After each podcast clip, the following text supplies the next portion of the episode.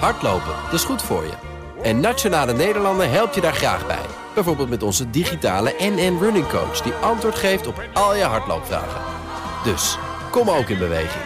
Onze support heb je. Kijk op nn.nl slash hardlopen.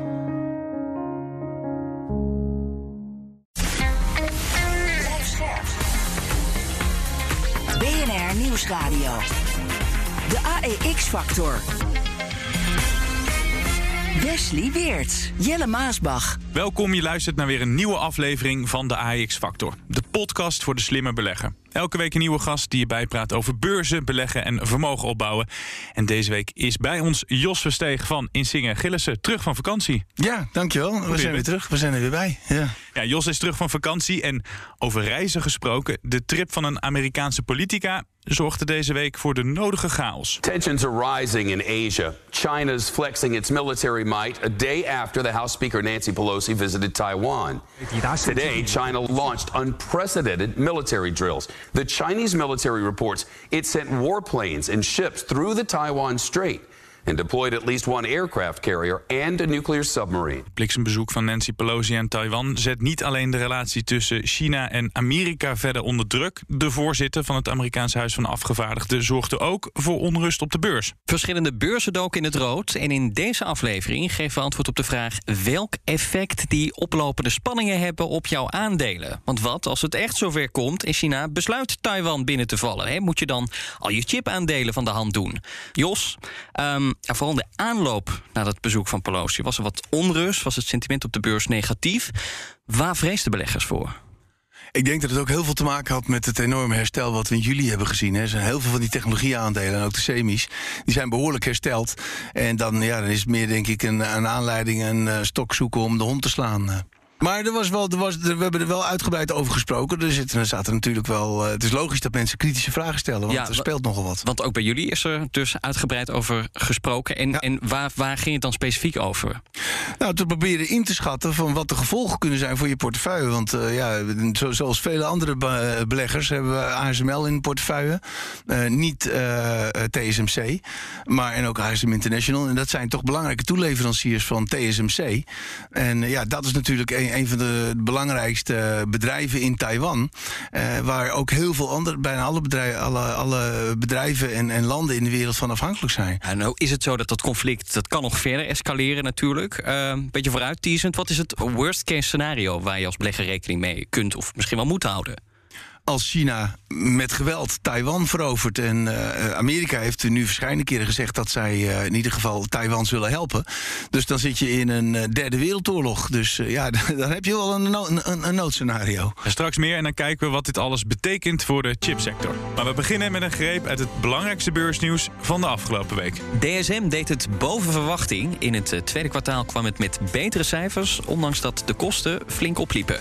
We hebben een deel van de inflatie hebben we kunnen, kunnen compenseren, maar nog niet helemaal. We hebben ook contracten met klanten die langere termijn zijn. En, en wij zijn een bedrijf die dat respecteren. Uh, dus het zal ook wat tijd kosten voordat we dat volledig uh, kunnen doorwerken. Ook Heineken kwam met goede resultaten, maar ook de bierbrouwer kampt met oplopende kosten. Het laat de winstdoelstelling voor volgend jaar varen. We rather be cautious and vigilant in uh, in the near term, and therefore that uh, that outlook as we shared it. Just Eat Takeaway heeft het lastig. Het schrijft miljarden af op het Amerikaanse Grubhub. Nu zijn uh, al die technologieaandelen, jonge aandelen, heel hard gedaald. En dan moet je dat ook terug laten zien in de cijfers. En daarom schrijven ze daar 3 miljard euro op af. Oh. ING zag de winst met 20% dalen. Volgens de topman vanwege een aantal onzekerheden die de bank parten spelen. We hebben natuurlijk te maken met grote onzekerheden in de hele wereld. Binnen dat kader ben ik tevreden met de resultaten. Maar het is zeker zo dat er grote onzekerheden zijn. De OPEC probeerde de olieprijs te drukken, maar de poging was wat magertjes. The emphasis should be on the word slight. They are only ramping up production by 100,000 barrels a day. We consume 100 million barrels globally. So to put that in perspective, they're increasing oil production 0.1% or basically enough to supply 86 seconds of the, the world's global oil supply. En de beursgang van bol.com is van de baan. In de tweede helft van dit jaar zou de webwinkeldochter van Ahold Delhaize naar de beurs gaan. Maar het feest gaat niet door, meldt het uh, Financiële Dagblad. Reden de slechte marktomstandigheden. De beurskoersen van concurrenten zijn gekelderd op de beurs. En Bol zou daardoor nu niet meer willen. Jos, Het Damrak uh, loopt een hele grote beursgang uh, mis dit jaar. De grootste IPO van het jaar. Ja, die gaat dus niet door. En een mogelijkheid om uh, te beleggen in een behoorlijk groeibedrijf. En dat kunnen we wel vergeten. ja, ik moet zeggen dat de, de topman Frans Muller altijd behoorlijk een slag om de arm hield. En altijd gezegd van wel, ja, wel afhankelijk van de waardering. En nou was die timing in de tweede helft van dit jaar niet zo heel erg mooi. Want ja, zoals veel andere bedrijven of, of, of concurrenten ook, hebben zij behoorlijk last van het aflopen van die pandemie. En de pandemie hebben ze enorm geprofiteerd. En ja, na die pandemie uh, krijg je een andere tijd dat mensen genoeg, via die e-commerce hebben gekocht en weer gewoon naar de winkel willen. Dus daar hebben ze allemaal last van gehad. Maar die marktomstandigheden die ze aanhalen, ze hadden het misschien wel kunnen zien aankomen. Ja, eigenlijk wel. Ja, dat, had je, dat had je wel kunnen zien aankomen. Aan de andere kant was een tijdje geleden, dat is natuurlijk ook een hele belangrijke aspect in de waardering. Dat is die rentestijging die dat soort groeibedrijven die nu nog verlies maken, maar op lange termijn winst maken. Dat heeft een enorm effect op die DCF-modellen. En ja, dat uh, had iemand een half jaar geleden ook niet voorspeld. Want dat is denk ik wel de belangrijkste oorzaak geweest. Want ja, de meeste van die concurrenten zijn uh, ja, fors onder druk gekomen, ongeveer gehalveerd. En op basis daarvan denkt men nu ook dat bol.com uh, ja, hooguit zo'n 500 miljoen zou kunnen opleveren als je 20, 30 procent verkoopt van een bedrijf dan nu met een waarde van iets meer dan 2 miljard. Een half jaar geleden, iets meer dan een half jaar geleden, was het nog 5 miljard. Dus ja, ik snap wel dat, uh, dat Muller zegt van, van ja, onder deze omstandigheden gaan we dat niet doen. Nee, dat is een beetje zonde. Laat je geld uh, liggen. Coolblue, een paar maanden geleden stelde toen de beursgang voor de tweede keer uit. Toen zeiden ze ook vanwege de marktomstandigheden. Toen was er heel veel chagrijn. Ja, daar heb ik zelf ook al mee gedaan, inderdaad. Ja. ik was er zelf ook nog wel op. Uh, ja, ik won me daar nog wel over op. Maar dat was wel op het allerlaatste moment. En ja, dit is natuurlijk uh, ja, wel wat, wat anders. die, die koers is zo gedaald, die waarde is zo gedaald. En er zit nog een ander addertje onder het gras. Uh, zij, zij wilden graag in bol.com investeren. Hè, in uh, same-day delivery, in goed Nederlands op dezelfde dag leveren. En die distributiecentra die moesten worden uitgebreid. En dat kostte wel ja, een paar honderd miljoen. Of het was een flinke investering. En ja, dus was er een beetje de vraag van als ze die investering zouden doen... dan zouden die aandelen inkopen mogelijk misschien wat teruggedraaid moeten worden. En dat is dan heel zou heel slecht voor de koers zijn. Dus uh, ja, daar zijn dan mogelijk consequenties voor. Nu las ik een rapport van een goede analist bij Bernstein. En die zei van ja, wat je dan moet doen is, uh, nou stel die investeringen maar wat uit. Dus doe ze niet in 1 tot 3 jaar, maar doe dat in 5 tot 10 jaar. We krijgen toch een vrij moeilijke periode de komende tijd. Ook als we in een recessie belanden. Mm. Dan, dan hoef je nog niet zo snel te doen. Ja, ik vind het altijd een beetje suf voor. Ik, ik, investeer liever dan dat je aandelen inkoopt. Ik bedoel, dat levert op zich niet zo heel veel op. En als je investeert, ja. dan heb je in ieder geval. Uh, nou, ben je, kun je die concurrentie van Amazon aan. Ik moet zeggen. Uh, uh, Bol.com heeft wel een sterke positie in de Benelux, 40% marktaandeel. Dus daar komt Amazon uh, nog niet zo heel snel tegen. ja, daar hebben ze een behoorlijke verdedigingslinie tegen Amazon. Maar Amazon moet je niet vergissen hoe, hoe, sterk het is en hoe groot die zijn. En wat van de prijsvoordeel die kunnen bereiken. Dus ik, vind wel, ik zou het wel goed vinden om zo snel mogelijk daar toch in te investeren. Ja, dus wanneer verwacht je die beursgang dan van Bol.com? Ja, ik zou me kunnen voorstellen dat ze het helemaal niet doen. Als ze het dan, uh, als ze het toch wel, uh, ja, wel kunnen financieren op een andere manier.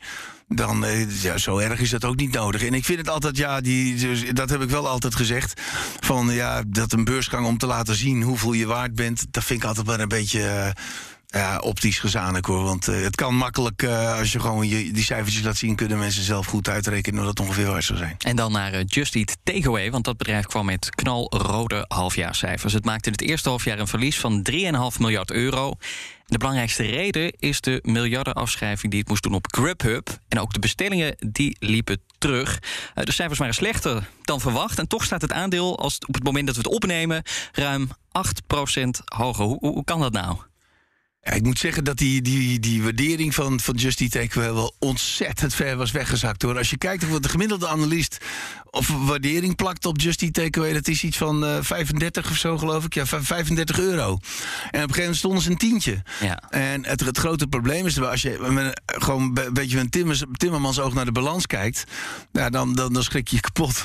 Want ze hebben een behoorlijke schuld en ze zijn nog steeds negatieve uh, operationele kaststroom. Dus dat is wel een probleem. Dus je moet er wel echt geloof in hebben. En dat hebben ze dan nu wel gezegd bij die cijfers. Van dat ze eh, in 2024 of 2023 zelfs al eh, k- eh, eh, positieve EBITDA hebben. Is dat dan ook waar beleggers nu dan hoop uitputten, denk je? Ja, dat denk ik wel. Dat hebben ze in ieder geval herhaald bij de halfjaarcijfers. Maar er zit nog wel wat anders in.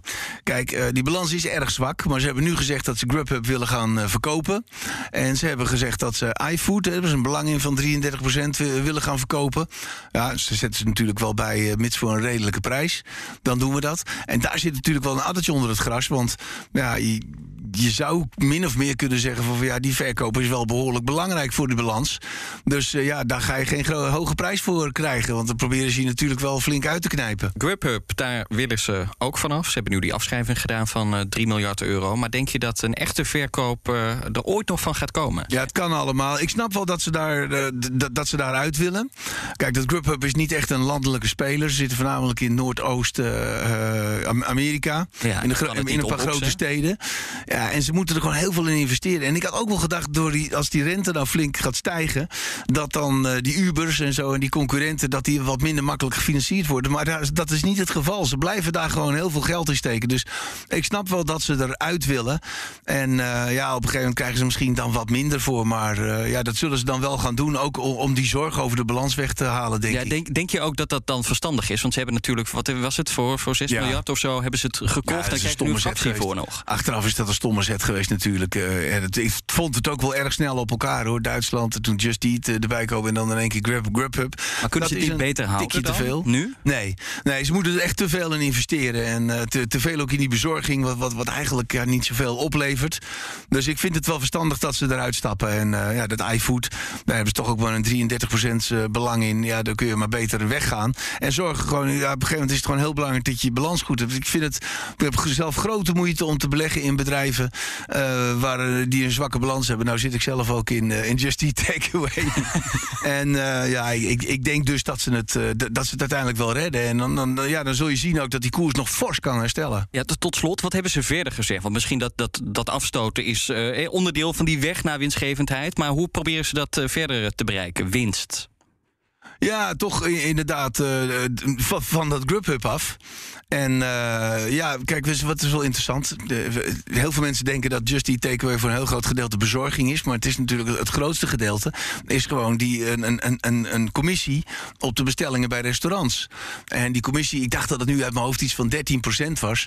En dat kan nog wel flink omhoog. Dus de, de- dat zul je ook wel zien, dat die fees om, omhoog gaan. Ja, dat hebben ze nu ook aangekondigd, Ja, geloof ik. ja, ja, en dat, dat zeggen ze al een tijdje. En je hoort dan wel van als ze dat dan doen, dan gaan die restaurants eventjes behoorlijk klagen. Van van ja, we gaan het opzeggen. Maar wat ze dan zelf zeggen van na een tijdje zie je ze dan weer terugkomen. Want ja, de restaurants, die cash is toch heel belangrijk en toch heel interessant. Je krijgt ja, toch een behoorlijke extra orderingstroom. En, eh, dus ik denk dat die, die nog wel flink omhoog kunnen. En eh, ja, op een gegeven moment hebben ze natuurlijk ook schaal bereikt. En eh, hebben ze de, hoog, de piekinvestering hebben ze bijvoorbeeld in, eh, in, in Nieuw-Zeeland, geloof ik, en Australië. Dat hebben ze nu gehad. Dus eh, ja, dan wordt het geleidelijk aan. Gaat je schaal, geen schaalvoordelen ook werken. De zaak een beetje op orde. En dan, eh, dan zou, er- zou je kunnen verwachten. Ook gewoon met de groei verder weer het herstel naar de groei na die pandemie.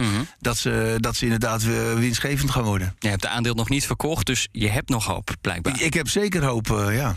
Over hoop gesproken, vind je dit een eh, leuke podcast? Ja, ja, ik vind het een hele leuke podcast. Heel mooi. Als jij dat als luisteraar ook vindt, vergeet je dan vooral niet te abonneren. Helemaal gratis. En dan heb je Jos en consorten nog sneller in je favoriete podcast-app. De AEX-factor. Wesley Weerts. Jelle Maasbach. Ja, en dan eh, terug naar het conflict rond Taiwan. Taiwanese tech giant TSMC warns an invasion of the island would render its factory inoperable, devastating global supply. Tensions are rising ahead of a potential visit to Taiwan by U.S. House Speaker Nancy Pelosi. TSMC heeft meer dan de helft van de markt qua chipsproductie in handen. Eh, En dus dienen we deze waarschuwing denk ik heel serieus te nemen. Nobody can control TSMC by force. If you take a military force or invasion, you will render TSMC factory non-operable because this is such a sophisticated uh, manufacturing facilities. It depends on the real-time connection with outside world. Waarschuwing van de CEO van eh, TSMC in een zeldzaam interview op eh, CNN, Jos. Welke gevolgen heeft het als die fabrieken gaan stilvallen? Ja, dat zou rampzalig zijn. En eh, dan, uh, dan betekent het dus dat er geen uh, hoogwaardige chips meer worden gemaakt. Want die worden gewoon vrijwel allemaal in Taiwan door TSMC gemaakt. Samsung maakt wel wat en Intel maakt wel wat, maar echt de top en de bulk wordt in Taiwan gemaakt door TSMC. Dus dan, uh, ja, dan, dan hebben we toch een flink probleem, want dan komen we stil te staan op het gebied van artificiële intelligentie. Dat kan niet meer verder uit. Maar ook intelligente wapensystemen die heel belangrijk zijn natuurlijk. Zeker op dit moment in een behoorlijke wereld vol conflicten. En uh, uh, zelfrijdende auto's, en ga zo maar door. Dus dat zal echt wel een, een, een flink probleem zijn. Uh, plus dat Taiwan natuurlijk een hele belangrijke partner is van Amerika in het, in het Verre Oosten. een belangrijk land. is ook, ook wel een belangrijke handelspartner. Dus ja, nee, dat zou echt rampzalig zijn. Ja, dat is rampzalig voor de wereld. Dus rampzalig wat, voor de wereld, ja. Wat TSMC daar heeft staan, zou je kunnen zeggen dat is een mooie buit. Dat zijn kroonjuwelen. China die zou daar verlekkerd naar kijken. Maar die topman heeft al gezegd: als jullie hier binnenkomen vallen, dan zetten we alles uit. Dan kunnen jullie er niks mee. Ja. Dan is het waardeloos. Zie jij dat ook zo? Ja, absoluut. absoluut. Eh, kijk, er, zijn, er, zijn, er spelen een aantal dingen. Kijk, als, het, uh, als ze ze niet uh, saboteren, de, de, de, systemen, dan kunnen ze. dan hebben ze niks aan die machines ook. Want kijk, bijvoorbeeld die EUV-machines, die, die, hebben een heel, aantal, heel, heel groot aantal bedrijven. Heeft die EUV-machines. Een stuk of drie, vier. Ik dacht dat Samsung en Intel ook hebben. Maar TSMC is de enige die er ook echt goed mee kan werken met lijntjes van onder de 5 nanometer. Nou moet je met die nodes, dat, dat, dat moet je een beetje met een korreltjes hout nemen. Maar het is wel, zo wel duidelijk dat zij verreweg het, eh, het, het, beste met die machines kunnen werken en het meeste eruit kunnen halen. Dus je moet uh, niet alleen die machines hebben, maar je moet ook de mensen hebben die die machines kunnen bedienen. Dat is heel belangrijk. Het is niet zomaar een, uh, een, een, machine die colaflesjes vult op, op een rij. Nee, het is echt, je moet hele slimme mensen hebben die die machines goed kunnen bedienen. Daarnaast, kijk, ook al lukt het je om die mensen te behouden, eh, dat de mensen bijvoorbeeld niet naar het buitenland vluchten, dan heb je die mensen, je hebt de machines, dan nog kun je niet die chips maken. Want chips, nou, dat is een heel wereldwijd uh, model, waarin je bijvoorbeeld ook hele specifieke chemicaliën nodig hebt, die allemaal geïmporteerd moeten worden door Taiwan. Onder andere Japan levert die chemicaliën. En als je die niet hebt, ja, dan kun je dus gewoon geen chips maken. Dus je hebt bijvoorbeeld ook het ontwerp nodig, de software voor het ontwerp. En dat komt allemaal uit Amerika. Er zijn twee bedrijven die die software leveren. Dus uh, om in je eentje geïsoleerd in Taiwan semiconductors te maken op, uh, op het hoge niveau, de aller, allersnelste, dat zal China nooit lukken. Nee, dus ook al zou China binnenvallen, los van dat het ja. dan een derde wereldoorlog ontketent, dan hebben ze, zeg jij, dus de mensen daar nodig te plekken. Dan moet iedereen blijven niet vluchten. Ja. En dan zijn ze dus ook afhankelijk, ironisch gezien, van Amerika. Ja, ja, dat blijven ze dus. Uh, en ook het onderhoud. Uh, neem maar gewoon het onderhoud van wat ASML doet aan de machines. Machines vergen echt veel onderhoud. Uh, dat wordt natuurlijk ook stopgezet. Dus nee, dat is, en dat weet China ook heel goed.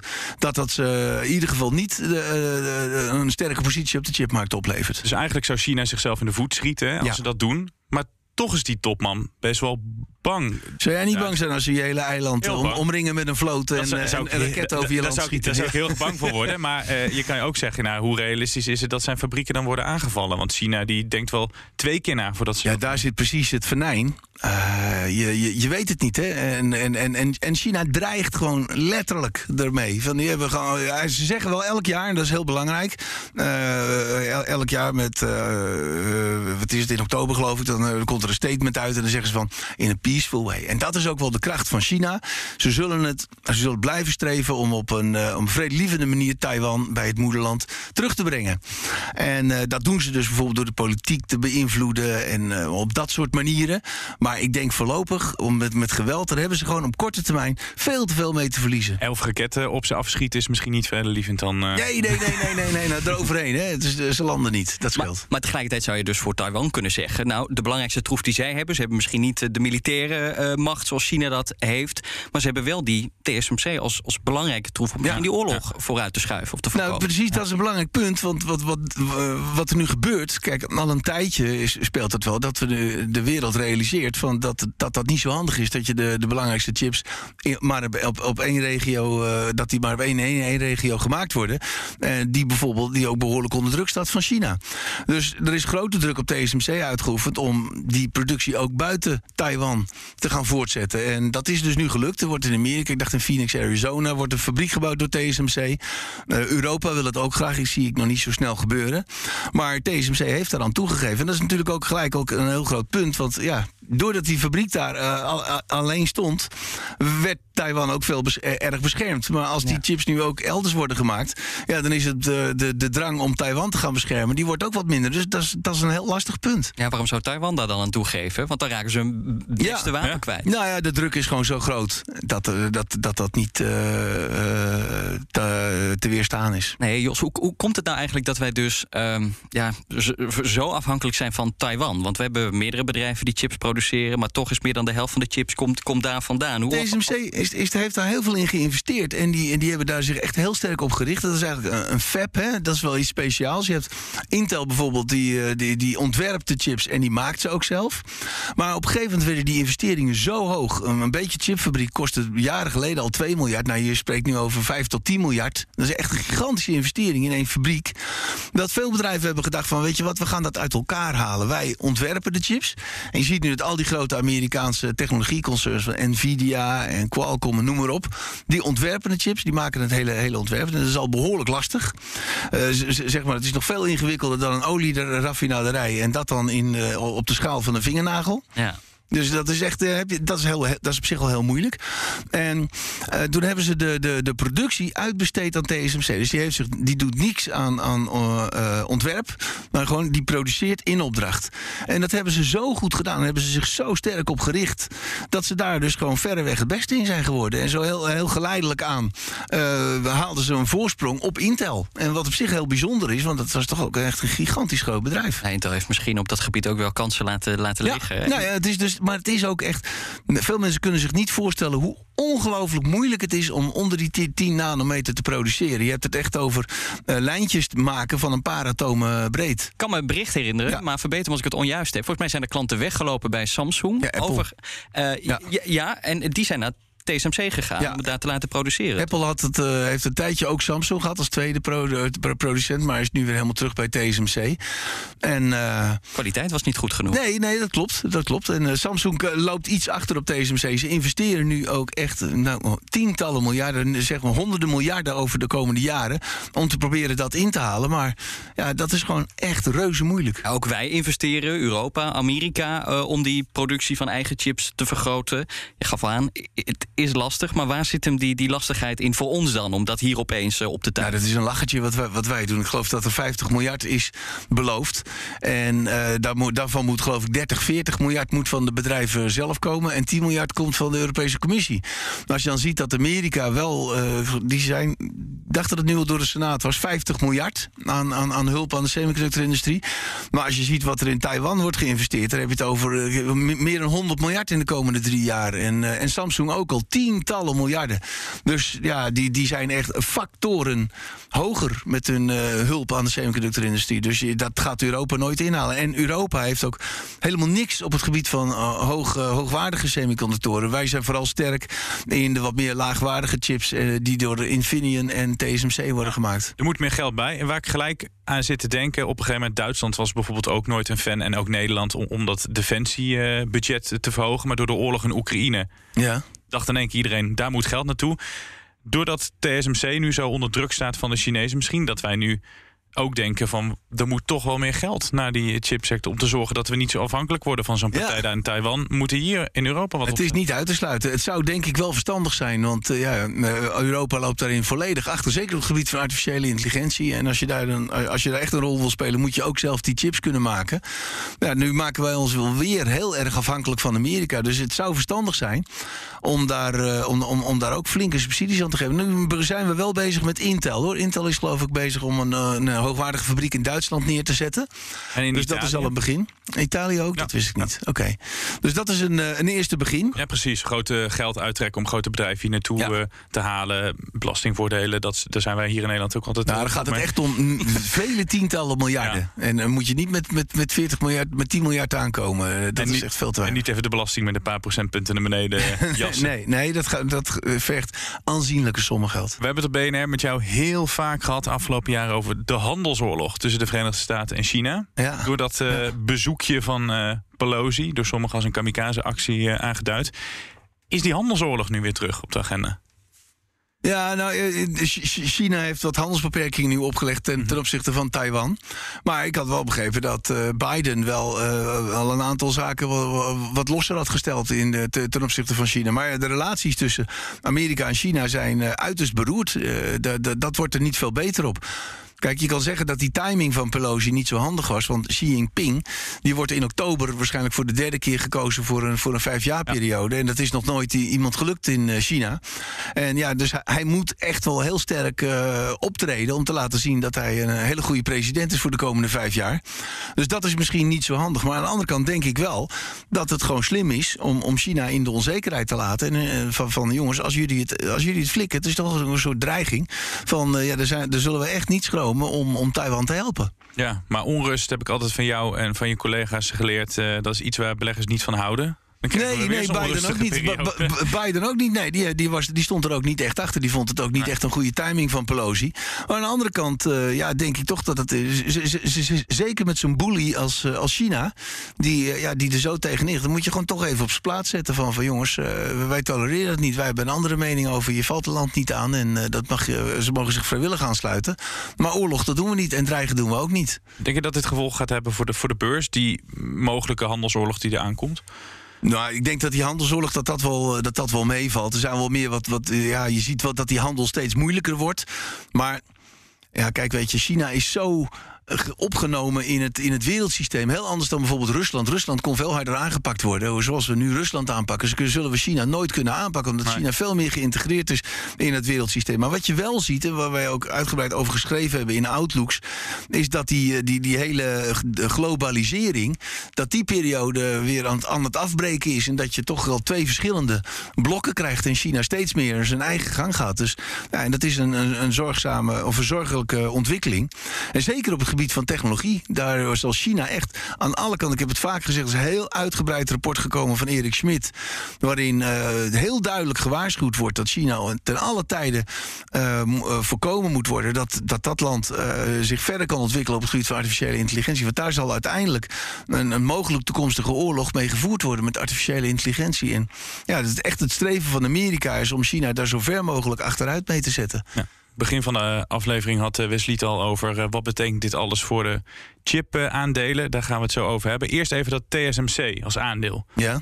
Hoe kijk je daar nu naar? Is het interessanter geworden of is het minder interessant geworden? Nou, ik, vind het wel een, eh, ik vind het wel een aantrekkelijk aandeel natuurlijk, omdat ze zo'n ontzettend sterke marktpositie hebben. En, maar je moet wel altijd in eh, rekening houden dat het op termijn, ja, gewoon dat je het risico hebt. En het risico, dan kun je, ga je natuurlijk vragen hoe groot is het risico? Dat is gewoon niet te doen. ik heb het vanochtend hebben nog, eh, nog eens na, na- nagelezen wat onze hoofdmacro-econoom erover geschreven. Die zei ook van ja, dat is echt ondoenlijk. Het is een, je- ja, je, je, noemt, je noemt het dan een, een, tail, een, een tail risk. Hè, van als je die normaal verdeling kijkt, het is een hele kleine kans dat het gebeurt. Maar als het gebeurt, zijn de gevolgen enorm. En je kunt daar niks van zeggen. Maar je moet er wel rekening mee houden dat, dat China er echt heel duidelijk naar streeft om Taiwan eh, eh, eh, ja, terug te veroveren. Ja, in te lijven. Wat betekent dat uiteindelijk dan voor je chipaandelen? Nou, uiteindelijk zullen. Kijk, eh, dat zegt eh, Peter Wenning altijd van ASML. Die chips, de vraag naar de chips is er wel. En eh, ja, waar dat dan gevraagd wordt, waar, waar dat dan gemaakt wordt, dat zien we dan wel weer. En eh, ja, je ziet nu ook al dat er uiteindelijk al die ontwikkeling er is dat, dat meer hoogwaardige chips buiten Taiwan gemaakt worden. En het zal, ja, als het gebeurt, dan zal het een behoorlijke tijdelijke disruptie zijn. Maar dan zullen die fabrieken ergens anders gebouwd worden. Dus ja, uiteindelijk houdt het niet op natuurlijk. Maar jij zegt je moet wel rekening houden met dit scenario. Maar, hoe, eh, maar het is niet in te schatten. Dus hoe handel je daar dan op als belegger? Ja, dat kan, niet. Je, we zijn, ik, ik denk dat, dat semiconductor aandelen eh, erg interessant zijn voor, vanwege die lange termijn groei. Vanwege eh, de, de ontwikkeling van vijfde generatie networken, netwerken. Vanwege het enorme grote belang wat je steeds meer ziet van artificiële intelligentie. Dus die, ja, die aandelen zijn heel erg belangrijk. Zowel de chipfabrieken als eh, de, de, de fabrieken die die machines maken, zoals ASML. Dat zijn hele interessante markten. En ja, wat ik zeg van, van de, de kans dat China aan gaat vallen. De, de komende jaren is, is klein. Ze, zijn er ook. Nou, ze laten nu dan bijvoorbeeld met die blokkade laten ze zien dat eh, het mogelijk is nu om bijvoorbeeld Taiwan eh, af te sluiten van de wereld op, op zee. En, en d- dat was twintig jaar geleden om, eh, ondenkbaar. Dus je zult zien dat ze steeds weer ja, nieuwe manieren gaan verzinnen om het land, om het land eh, dwars te zitten. Maar een echte rechtstreekse aanval, China heeft daar gewoon op korte termijn te veel mee te verliezen. Dus ik, ik denk gewoon dat dat niet gaat gebeuren. En dat, ja, die kans erop is gewoon heel klein. Dus dan, dan denk ik dat je gewoon nog wel in semiconductor aandelen kunt, eh, kun- kunt beleggen. Ja, nou, die kans is klein, maar er komt ook dan meteen als belegger de volgende vraag: van eh, goed, eh, eh, de, de politiek is er natuurlijk wel een beweging gaande, daar hadden we het net over.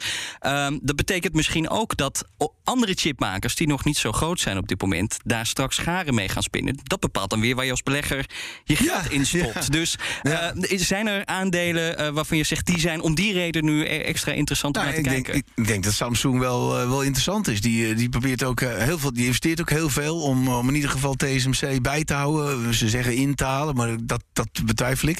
Maar Samsung zal er wel garen bij kunnen spinnen. En eh, je moet ook niet Intel uit eh, eh, eh, afschrijven. Ik volg zelf Intel niet, dat doet mijn collega in Engeland. En die is zelf heel, heel, heel, heel positief over Intel. Die, zegt, die, die kijkt heel sterk naar de technologie van die processors. Dus echt vanuit de technische hoek. Ja. En die is er erg enthousiast over Intel. Maar ja, als je kijkt naar wat ze tot nu toe gepresteerd hebben, is het ook de kwartaalcijfers vielen weer erg tegen. Dan heb ik, ben ik daar wel wat voorzichtiger in met, met, met Intel persoonlijk. Want ehm, ja, kijk, je hebt in de afgelopen 20, 30 jaar toch wel gezien dat als je eenmaal begint achter te lopen, dat het ontzettend moeilijk is om, eh, om dat weer in te halen. Ja, want ze hebben de, eh, op, op eh, het desktop, eh, bij desktop PC's hebben ze marktaandeel weg laten snoepen door AMD. Mobiele eh, markten eh, zijn ze helemaal niet in, eh, in actief. Nou, Dus- servers zijn ze nog steeds heel belangrijk. Hè? Maar daar hebben ze nu eh, een mogelijke geduchte concurrent in Nvidia. Die begint daar ook eh, behoorlijk marktendeel af, af te snoepen. Dus nou, ja, Intel wordt aan alle kanten aangevallen. Maar ja, het is ook wel zo'n groot bedrijf. En het wordt ook geholpen door de Amerikaanse overheid. Omdat die toch het belang ervan zien. Dus je moet het niet te snel afschrijven. Maar ik heb wel geleerd in de semiconductorindustrie. Als je eenmaal begint achter te lopen, dan is het heel moeilijk om dat, weer- dat weer in te halen. Dus zeg jij dan de beste kaarten om de nieuwe TSMC te worden is, is Samsung?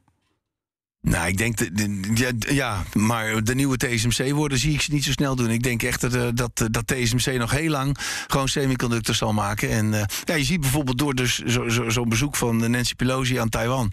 dat Amerika ook heel duidelijk dreigt van haal het niet in je hoofd. En Biden heeft het ook, eigenlijk, ja, het werd dan gezegd zijn mond voorbij gespro- gesproken... zo van we gaan, eh, als we Taiwan aanvallen, dan vallen wij China aan. Ja, dat, is dat, dat zegt hij natuurlijk expres. Zo van om toch China constant in onzekerheid te laten. Van waag het niet. En dat is, dat is het hele politieke spel. Van eh, dat ze totaal geen idee hebben wat er gaat gebeuren als ze het doen. Die chipmarkt, is dat nou een markt waar er ehm, prima meerdere chipmakers naast elkaar kunnen bestaan? Want nu zie je heel erg dat het evenwicht uit balans is. Ja, of is ja. het echt een markt waar één hele grote is en de rest nog een paar kleintjes en that's it? Nou, dat wel inderdaad, ja. Voor, eh, zeker als je kijkt naar de, de ontwikkeling van de, de, de meest hoogwaardige chips... dan heb je er inderdaad maar drie, Intel, Samsung en TSMC. En dan denk ik dat TSMC wat dat betreft een prima belegging is. Maar er zijn ook ja, leveranciers van TSMC. Hè. Belangrijke leveranciers zoals ASML, ASMI, eh Bezi ook onder andere. Eh, nou, die, zit, die zit wat meer in de Maar eh, ja, dat zijn... eh, we hebben in Nederland een paar, paar hele mooie bedrijven die eraan leveren. En als je kijkt naar wat er met die koers gebeurd is... Nou, die zijn op het ogenblik denk ik waanzinnig aantrekkelijk. Ja, dus als ik jou zo beluister, je bent voorlopig nog wel enthousiast over die, over die sector. Ja, ik ben altijd wel enthousiast, maar, nu wel maar, nog, meer. nu nog wel enthousiaster inderdaad. Die waarderingen zijn zo teruggekomen. Dat zijn echt prachtige kansen. En nog even over eh, de toekomst. Dat de TSMC, eh, we zeggen eigenlijk met z'n allen... het is eh, haast onwaarschijnlijk dat China daar de boel overneemt. Maar stel nou, en het zou ongekend zijn... dat ze TSMC in handen krijgen. Dat zij daar de boel overnemen. Ehm, is het dan nog steeds een interessante belegging? Ja, dan stel je een hele goede vraag. Kijk, als dat allemaal in vrede gaat, dan ho- hoeft het in principe geen probleem te zijn. Hè? Kijk, dan, eh, dan kun je gewoon je chips nog altijd via TSMC kopen. Als belegging heb je in China natuurlijk altijd wel het probleem dat je niet echt direct de eigenaar bent. En dat als er iets aan de hand is, dat China je zo opzij kan zetten. En dat vind ik altijd het grote risico met beleggen in China. Eh, En er moet ook altijd heel duidelijk bijgezegd worden dat je uiteindelijk niet de baas bent van het bedrijf. En dat vind ik wel een probleem, want het partijbelang gaat altijd voor bij Chinese bedrijven. En daar moet je je heel erg van bewust zijn als je in China belegt. En dat hebben we dus gezien met Alibaba, met die, met die beursgang van eh, de, het financiële deel. Wat Ja. uitgesteld werd of En- afgeschaft. En ook als belegger zeg ik wil toch een beetje in China zitten, een beetje eh, risico spreiden. Wat zeg jij dan als je de Chinese je kan, aandelen je, kan, je kan, nou, je- de Chinese aandelen, dat hoef je niet eens te kopen. Je kan bijvoorbeeld beleggen in LVMH, die een grote posities in China heeft, maar ook Apple. Dat zijn prima bedrijven die hele grote posities in China hebben. En China zal het wel uit zijn hoofd halen om, eh, om, om Apple te veel dwars te zitten. Maar jij bent, jij bent niet een hele grote fan van in China beleggen, toch? Nee, we, ik moet wel zeggen, eh, als bedrijf zeggen we wel van, we hebben nog steeds een, een, een eh, zijn positief over emerging markets. Ja. Maar ik ben er zelf altijd wel erg voorzichtig mee. Ik, ik vind, ja, dat zijn hele lastige risico's die, die je moeilijk kan inschatten. Maar toen het een paar, jaar geleden misging in China, legde de Chinese overheid in één keer de beurs stil. Ja. Voor een paar dagen. Nou, dat soort dingen, ja, dan denk ik van ja. Ik- voor mij hoeft het, persoonlijk hoeft het niet. Ik zal er niet snel in beleggen. Maar tegelijkertijd, het kwam net even ter, ter sprake eh, over Amerika en China die hun economie een beetje proberen te ontvlechten. Of zoveel mogelijk eigenlijk. Eh, vanuit dat bekeken zou je ook kunnen zeggen: eh, goed idee om je risico's te spreiden. Pluk je Chinese aandelen. Want je hebt twee werelden die straks totaal niks meer met elkaar te maken hebben. Precies, ja, nee, dat is, dat, dat is waar. En da- daarom zeggen we het ook van, je, je moet een deel in China beleggen. Maar dat doen we dan ook via fondsen, de mensen die er heel gespecialiseerd in zijn. Om zelf eh, hier vanuit Europa als, aandelen, als, als, pr- als primary aandelen research Chinese bedrijven eh, te gaan onderzoeken. Nou, dat is eh, een behoorlijk lastige klus. Dus wij doen dat in portefeuilles dan via beleggingsfondsen. Laat staan voor een particulier dan. Ja, ja, ja, dat is, ja, is, is heel erg mee uitkijken. Eh, dankjewel dat jij hier was, eh, Jos Versteeg. Inzingen Gillissen, eh, deze speciale aflevering over chips. Naar aanleiding van dat eh, ja, toch wel chaotische bezoek van Nancy Pelosi. En eh, mocht je nou denken, ik wil meer luisteren, dan kan dat. Zoek ons op eh, in je favoriete podcast-app, in de BNR-app. En wij hebben ook een aflevering gemaakt over beleggen in China. Dat hebben we opgenomen met eh, Jean-Paul van Oudheust. En die is wel enthousiast over beleggen in China. Dus Er zijn luister ook ook nog positievelingen. die podcast. Tot volgende week. Hardlopen, dat is goed voor je. En Nationale Nederlanden helpt je daar graag bij. Bijvoorbeeld met onze digitale NN Running Coach... die antwoord geeft op al je hardloopvragen. Dus, kom ook in beweging. Onze support heb je. Kijk op nn.nl slash hardlopen.